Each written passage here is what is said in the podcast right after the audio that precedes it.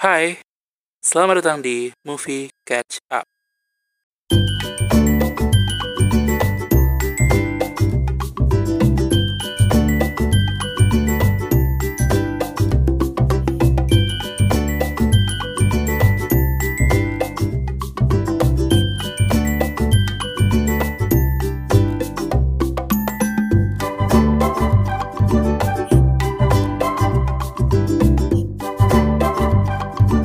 Hai, ini adalah pre-watch dari film pertama di Movie Catch Up.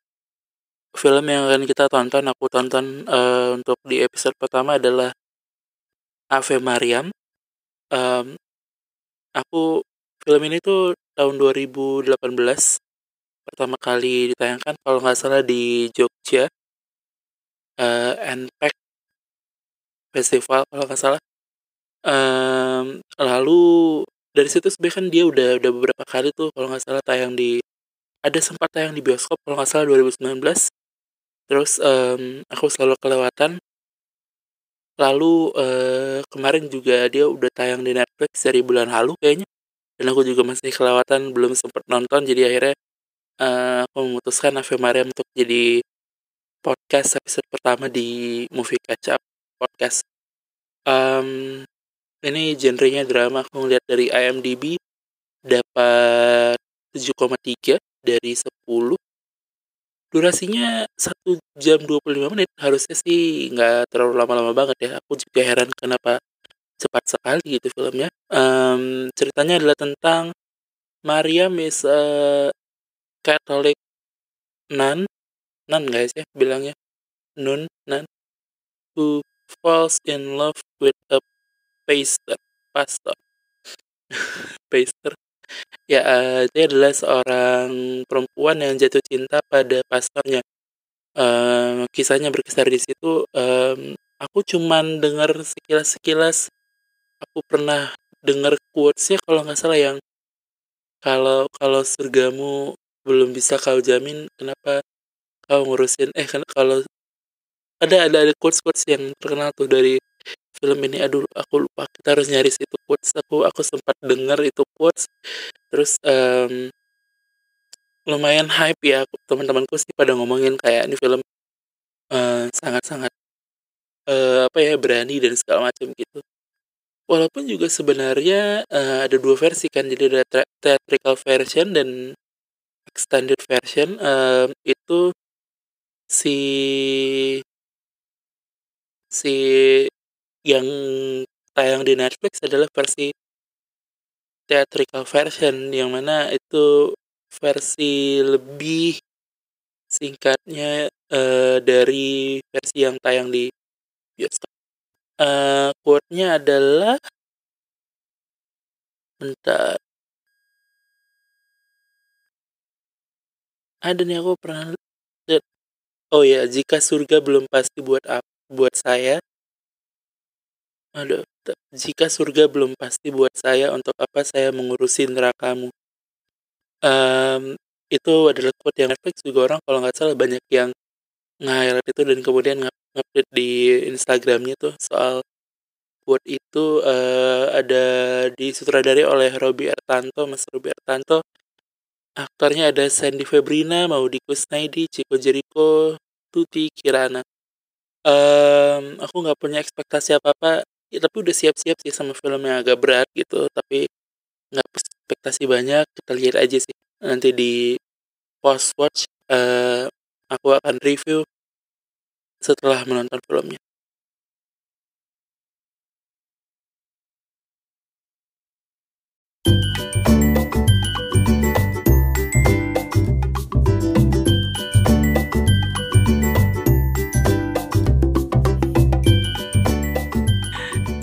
Hai, uh, sebelum dengerin post watchnya episode 1 uh, Ave Mariam, bis aku mau menyampaikan informasi dulu uh, untuk yang di daerah Medan dan sekitarnya yang pengen nyari tempat nongkrong-nongkrong cantik yang juga bisa makan dan makanannya enak, tempatnya nyaman, um, ramah di kantong, apalagi semuanya itu bisa didapatkan di Benteng 2 Cafe and Resto. Uh, lokasinya di Jalan Karya Jaya, Gang Benteng nomor 2. Uh, atau kalau mau ngecek-ngecek dulu dan lagi ada diskon sekarang, uh, itu bisa dicek di Instagram at benteng 2 underscore cafe resto. Um, makanannya enak-enak. Aku salah satu makanan yang unggulannya adalah nasi iga bakar hitam. Um, ada mimian enak lah kopi-kopi juga ada dan segala macam. Lengkap uh, cocok untuk keluarga untuk nongkrong sama teman-teman juga cocok. Nggak terlalu rame tapi juga nggak terlalu sepi. Uh, menyenangkan. Bisa datang ke sekali lagi di Instagramnya di @benteng2 underscore cafe resto uh, atau bisa ke langsung aja ke lokasinya di Jalan Karya Jaya Johor uh, Gang Benteng nomor 2 um, terima kasih. Kita mulai was watch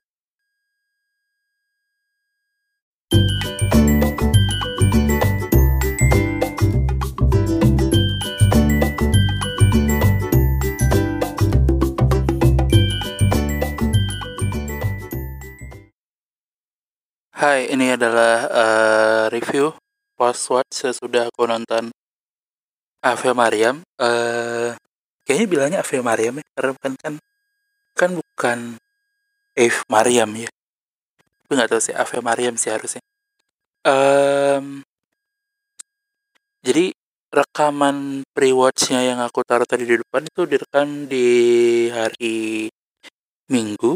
Terus aku baru nonton tadi hari Senin siang-siang. Um, durasinya sih singkat ya. sebenarnya aku aku pengen ngebagi ini jadi beberapa bagian sih. Yang pertama sih aku ngerti kenapa ini film um, banyak yang suka gitu. Aku aku ngerti lah. Ya film-film artsy gitu. Aku ngerti arahnya ke mana gitu. Tapi uh, ini untuk ngasih konteks untuk yang nggak tahu ini filmnya tentang apa. Filmnya adalah tentang uh, suster uh, yang suka ke jatuh cinta ke pastornya uh, ke Romo. Um, ini aku akan ngomong mungkin beberapa hal yang mungkin akan terkesan sok tahu. Aku tahu ini film isunya agak berat kayak ngomongin soal agama dan segala macam. Apalagi bukan agamaku jadi kayak nanti kalau aku ngomong banyak hal takutnya jadi kayak oh dia sok tahu apa segala macam. Uh, tapi sebenarnya uh, jadi aku aku disclaimer dulu di depan gitu kalau uh, gimana gimana gitu ya. Um, film ini tuh eh by ini full spoiler. Jadi uh, ini konten full spoiler full spoiler. Kalau belum nonton silahkan nonton aja dulu gitu. Um, ada beberapa ya ada ada, ada beberapa poin yang bisa aku jadi ini sih. Kita bahas dari yang serius-seriusnya dulu ya. Baru nanti di akhir aku kasih beberapa poin yang menurutku lucu gitu. Poin pertama, isu yang diangkat emang berat ya, isu si suster jatuh cinta kepada Romo itu berat memang. Um, tapi yang aku kaget tuh based, based on true events lah. Event, event gak? Uh, based on true event itu tuh gimana ya aku waktu itu pernah dengar kalau nggak salah kalau based on true story itu um, beneran dari kisahnya true events tuh kejadiannya ada tapi ada yang berubah kalau nggak salah gitu deh. Um, lagi-lagi tadi isunya yang diangkat emang berat gitu isu isu isu ini. Karena kan uh, suster tuh nggak boleh nikah kan nggak boleh nggak boleh. Tapi tapi ada satu hal juga sih maksudnya penggambaran kehidupan para susternya di di gereja itu menurutku sangat-sangat wah itu kayak aku aku nge, aku ada satu kata yang kayak uh, pas adegan Joko Anwar tuh uh, Mas Joko itu Bang Joko tuh kenapa aktingnya awkward ya? Aku nggak nggak tahu um, pas di itu tuh kayak pas si mau di Kusnaidinya cerita sama Joko Anwar terus dia bilang kayak Joko Anwar bilang kayak kalian para suster ini nah, um, ada suster, suster ada suster-suster yang memutuskan untuk berkeluarga karena dia ngerasa uh, setelah selama ini dia ngerawat suster-suster tua yang tinggal di gereja uh, dia ngerasa dia nggak pengen jadi suster-suster tua itu yang dalam tanda kutip hanya jadi beban bagi orang lain gitu um, jadi kan ceritanya ini yang aku tangkap yang aku tangkap. Aku nggak mencoba untuk searching jauh lebih jauh karena aku nggak pengen um, tercampur nih informasinya. Aku beneran cuma nangkap apa yang ada di film.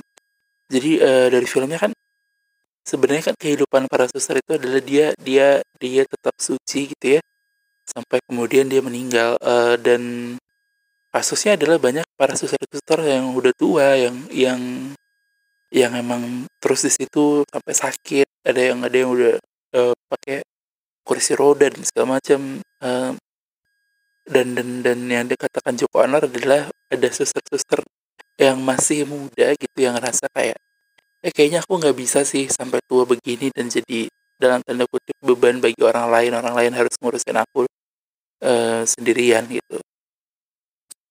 Juga sebenarnya kan uh, isu yang diangkat adalah soal ketakutan-ketakutan gitu kayak ini uh, benar atau enggak dan segala macam. Um, filmnya berat sekali sih aku, aku jujur kayak ngerasa berat sekali. Tapi jujur nih ini ini bobotnya tuh berat tapi satu hal yang aku agak agak jengah ketika ketika nontonnya adalah ini ini beneran kayak kenapa kayak sebuah hal yang besar ini hanya dideliver dengan kisah cinta yang sungguh kekanak-kanakan gitu. Kisah cintanya mau di Kusnaidi dan Chico Jericho gitu. Ini kan sangat kekanak-kanakan gitu. Bayangin mereka dua-duanya kan sudah dalam kondisi matang. Satu tuh Romo, satu suster. Dalam usianya juga udah udah nggak muda lagi gitu. Uh, baru itu satu poin nih mau di Kusnaidi tuh 45 tahun bos gila Chico Jericho 36 beda umurnya 9 tahun tapi di, di film cocok-cocok aja sih lah uh, ya. Sangat salut. Um, itu maksudnya kisah cintanya kan sangat kekanak-kanakan gitu.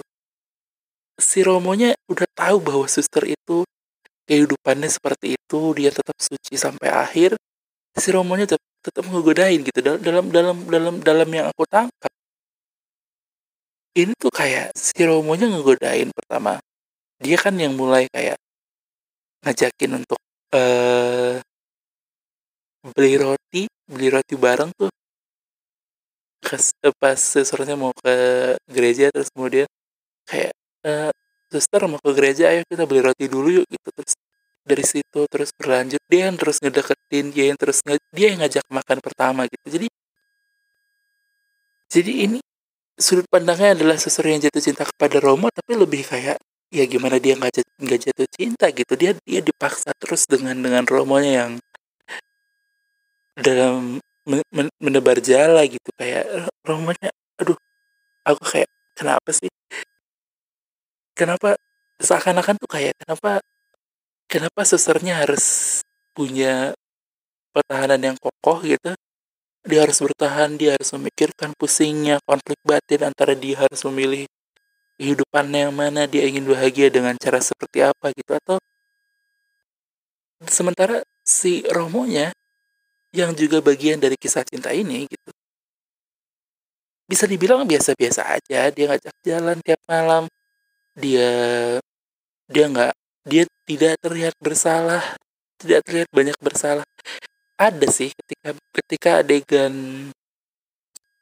mau di Kusnaidi udah keluar dari gereja gitu dia pamit terus uh, suster-suster lain dan romonya berkumpul yang romonya minum Ciko Jericho minum uh, itu terlihat menyesal. Terus yang ada di scene selanjutnya yang pas mau di Kusnaidi uh, aku nggak tahu namanya apa ya terus tapi kan um, dalam agama Kristen tuh ada kayak mereka ngomong ke pendetanya tapi uh, dibatasi sama kayak dinding gitu. Jadi kayak satu sama lain tidak saling tahu gitu siapa yang di dalam dan segala macam. Um, pas season itu ya ada lah menyesal tapi maksudnya dalam prosesnya gitu si Jericho tuh tanpa tanpa tidak punya tanpa tidak punya pertimbangan sama sekali gitu. Kayak ya udah kita nikmati aja kisah cinta ini gitu. Itu pertama yang aku pikirkan gitu. Pesan yang berat yang yang kayak wah ini ini berat banget nih gitu. Ini pesannya soal keagamaan soal soal ketuhanan dan segala macam soal keraguan. Hanya diantarkan dalam cinta yang dialami orang dewasa tapi dialami secara kekanak-kanakan gitu.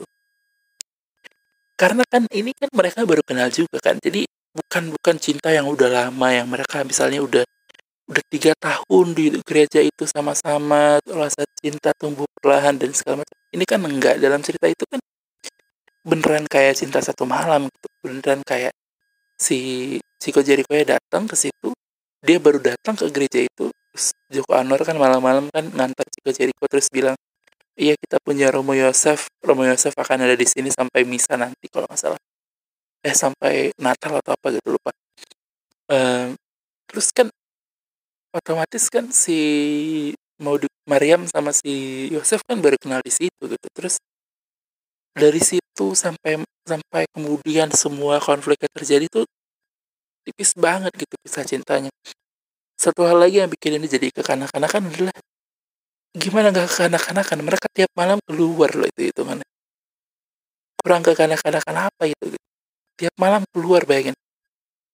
Malam ini dia keluar malam malam berikutnya dia keluar malam berikutnya. Sampai akhirnya kan dia ketahuan gitu dia ketahuan um, keluar sama Olga Lydia kan? Olga Lydia kan masuk ke kamar dan jadi itu sih pertama um, apa yang yang yang bisa aku highlight itu. Um, film yang bawa tema berat tapi di diantarkan hanya dengan dalam tanda kutip konteks cinta yang kekanak-kanakan gitu kayak dan dan dan dan entah kenapa berasanya kayak kenapa Romonya seakan-akan tidak punya punya konflik batin gitu ketika dia harus melakukan itu dengan susternya gitu. Iya emang Chico Jericho sih masih muda banget di situ tapi kan nggak gitu juga gitu. Maksudnya kenapa nggak ada kayak keraguan dari sisi Romonya gitu. Kenapa dia masih tetap kekeh datang ke kamar suster dan segala macam gitu um, apalagi ya, itu sih selainnya selain itu itu salah satu yang bisa highlight terus apa lagi ya yang besar-besar gitu um, ending ending ending. Aku nggak ngerti ending itu gimana karena kan ini endingnya kan jadi yang aku tahu kan si Maudi Kusnaidi keluar tuh dari gereja. Lalu dia naik kereta dia naik kereta terus uh, dia udah dia dia dia di stasiun kereta terus uh, scene-nya dia di seberang dia di di satu titik terus dia melihat gambaran uh, Romo Yosef di seberangnya kan. Uh, dia ngelihat gambaran nah aku nggak tahu tuh itu itu beneran atau halusinasi. Terus itu lanjut ke ketika mau di dia naik ke kereta dia taruh barangnya dia duduk terus dia ngeliat ke jendela di samping eh ada Romo Yosef. Dia kaget dia bingung dia ambil tasnya dia turun. Dia turun Romo Yosef nggak ada. Itu halusinasi atau enggak gitu aku nggak tahu. Kayaknya sih halusinasi. Tapi halusinasi atau enggak di bagian itu tiba-tiba kereta berangkat mau di Kusnaidi ceritanya nggak jadi pergi dari kota itu. Lalu tiba-tiba itu scene berlanjut ke uh, Maudi Kusnaidi itu tadi yang aku bilang dia dia kayaknya balik ke gereja terus dia cerita di, di, di dinding itu yang yang mereka dibatasi oleh dinding itu. Terus setelah scene itu apa yang terjadi? Aku bingung gitu. Dia balik ke situ apa uh, gimana? Aku bahkan bingung. Endingnya menurutku agak aneh sih. Tapi yang yang yang bisa aku kayak ini keren adalah adegan ketika um, ketika um, cara cara mereka menggambarkan cara uh, sutradaranya menggambarkan adegan di pantai ketika mau dibuka kancing bajunya di belakang kayak cuman shred udah selesai Set, terus masuk scene-scene gloomy, hujan, mereka di mobil. Sepanjang jalan, Maudi Kusnaidi menatap jendela dengan tatapan kosong. Rambut berantakan dan segala macam hujan perlahan turun terus menerus gitu. Itu kayak oh bagus banget itu. Tapi sebenarnya kan itu kayak kenapa sih itu dia uh, gitu ya nggak tahu kayaknya be- bermain di asumsi aja gitu. siapa tahu punggungnya gatel kan kita nggak tahu eh. Kebayang gak sih kayak di di di di alternate universe yang lain itu ceritanya punggung Maudi Kusnaidi gatel terus uh, Romo Yosef garukin terus udah tutup lagi terus mereka cerita gitu. Udah, udah gitu aja. Ya uh, itu bagus sih scene aku suka musik-musiknya uh, iringan-iringannya aku suka gitu. tapi sebenarnya highlight utamaku itu sih kisah cintanya kekanak-kanakan banget. Aku benci banget tiap-tiap tiap ngelihat Mariamnya keluar gitu mereka keluar malam makan apa segala macam. Hampir tiap malam mereka keluar gitu. Terus kayak dia selalu terlambat kan paginya akhir-akhirnya kan dia selalu terlambat bangun kan apa sih gitu maksudnya? Boleh deh boleh deh. Kalau aja misalnya itu kalian punya waktu lebih panjang gitu uh, dia punya banyak waktu untuk memikirkan apakah mau atau tidak dan segala macam gitu. Kalau kalau Romonya punya punya konflik batin juga gitu punya punya pertimbangan pertimbangan juga nggak selonong selonong baik gitu uh, harusnya sih itu bisa jadi konflik yang lebih dewasa gitu kesannya pengambilan keputusannya jauh lebih matang karena karena beneran bukan cuman sekedar cinta satu malam yang sekejap muncul dan bisa hilang kapan aja gitu. Uh, udah itu aja sih sebenarnya reviewnya ya review review serius ya. tapi ada beberapa poin yang aku kerasa kayak aku senang aja sih untuk ngebaginya jadi kan itu ada adegan mereka ke pantai ketika uh, hal itu terjadi jadi mereka ke pantai terus uh, Chico Jericho turun dia buka kap belakang mobil terus dia ngambil kue. Terus itu kue nggak dikotakin kue beneran cuman diletak aja gitu di situ nggak dikotakin nggak diapain beneran udah diletakin aja di di di di bagasi belakang gitu terus kan itu kan mereka kan jalan sepanjang perjalanan kan pasti ngelewatin itu kan tinggi ya mereka ke hutan apa segala macam lewat lewat sampingnya pohon-pohon gitu. Itu gue kenapa gak hancur gitu? Aku kayak pas nonton tuh seneng banget kayak ah, aku menemukan sebuah kelemahan gitu. Sampai aku ngeriwain lagi itu ada adegan Chico Jericho ngebuka kotak kue kayak ternyata nggak ada beneran jadi dia cuma turun ngebuka udah kue adem ayam aja di situ. Nggak ada kayak uh, krim-krim kue di di pintunya atau di mananya enggak gitu. Itu kue masih rapi segala macam. Satu poin. Uh, apa lagi ya? Yang yang yang menarik dari sini. Um, oh soal quotes ini sih soal quotes. Uh, jika jika sur jika surga belum pasti untukku untuk apa aku mengurusin nerakamu jadi adegan itu juga jadi salah satu adegan favoritku tuh. Jadi mulai dari mulai dari adegan buka kancing baju sampai itu adegan di perjalanan mereka jalan pulang hujan apa segala macam itu sedih banget aku aku bisa ngerasain. Sampai uh, mereka turun uh, si Mariamnya pulang dia buka uh, pintu asramanya terus suster-suster lain kasih surprise nyanyi happy birthday eh nyanyi selamat ulang tahun. Tapi dia nangis uh, karena dia dalam konflik batin itu uh, dalam konflik dia baru saja melakukan dosa besar gitu ya. Uh, terus dia nangis terus sampai akhirnya dia salam salam salam satu satu gitu. Terus uh, susurnya cuma nyanyi kas salaman udah susurnya balik terus sisa Olga Lydia terus dia nangis dia belum peluk tuh dia nangis dia nangis terus kali dia bilang uh, jika nerak jika surga belum pasti untukku untuk apa aku mengurusin nerakamu? gitu. Terus uh, uh, terus baru mereka pelukan dan dan itu sedihnya sih menjadi jadi gitu uh, apalagi ya yang bisa di highlight ya filmnya banyak quote quotes menarik sih kayak misalnya um, kebahagiaan adalah hal yang utama apa saja ada banyak lah quote quotes yang menarik dari dari beberapa karakter di film ini gitu. Tapi uh, berasanya kayak ya ya seperti film berat lainnya lah. Minta maaf nih bukan bermaksud gimana gimana uh, ini ini ini kecurigaanku nih durasinya kan cuma satu jam 24 menitan ya. Kayaknya harusnya ini bisa either jadi film pendek dengan di, di dipersingkat kisahnya atau jadi film panjang yang lebih panjang dari cuma sekedar satu jam 25 menitan gitu.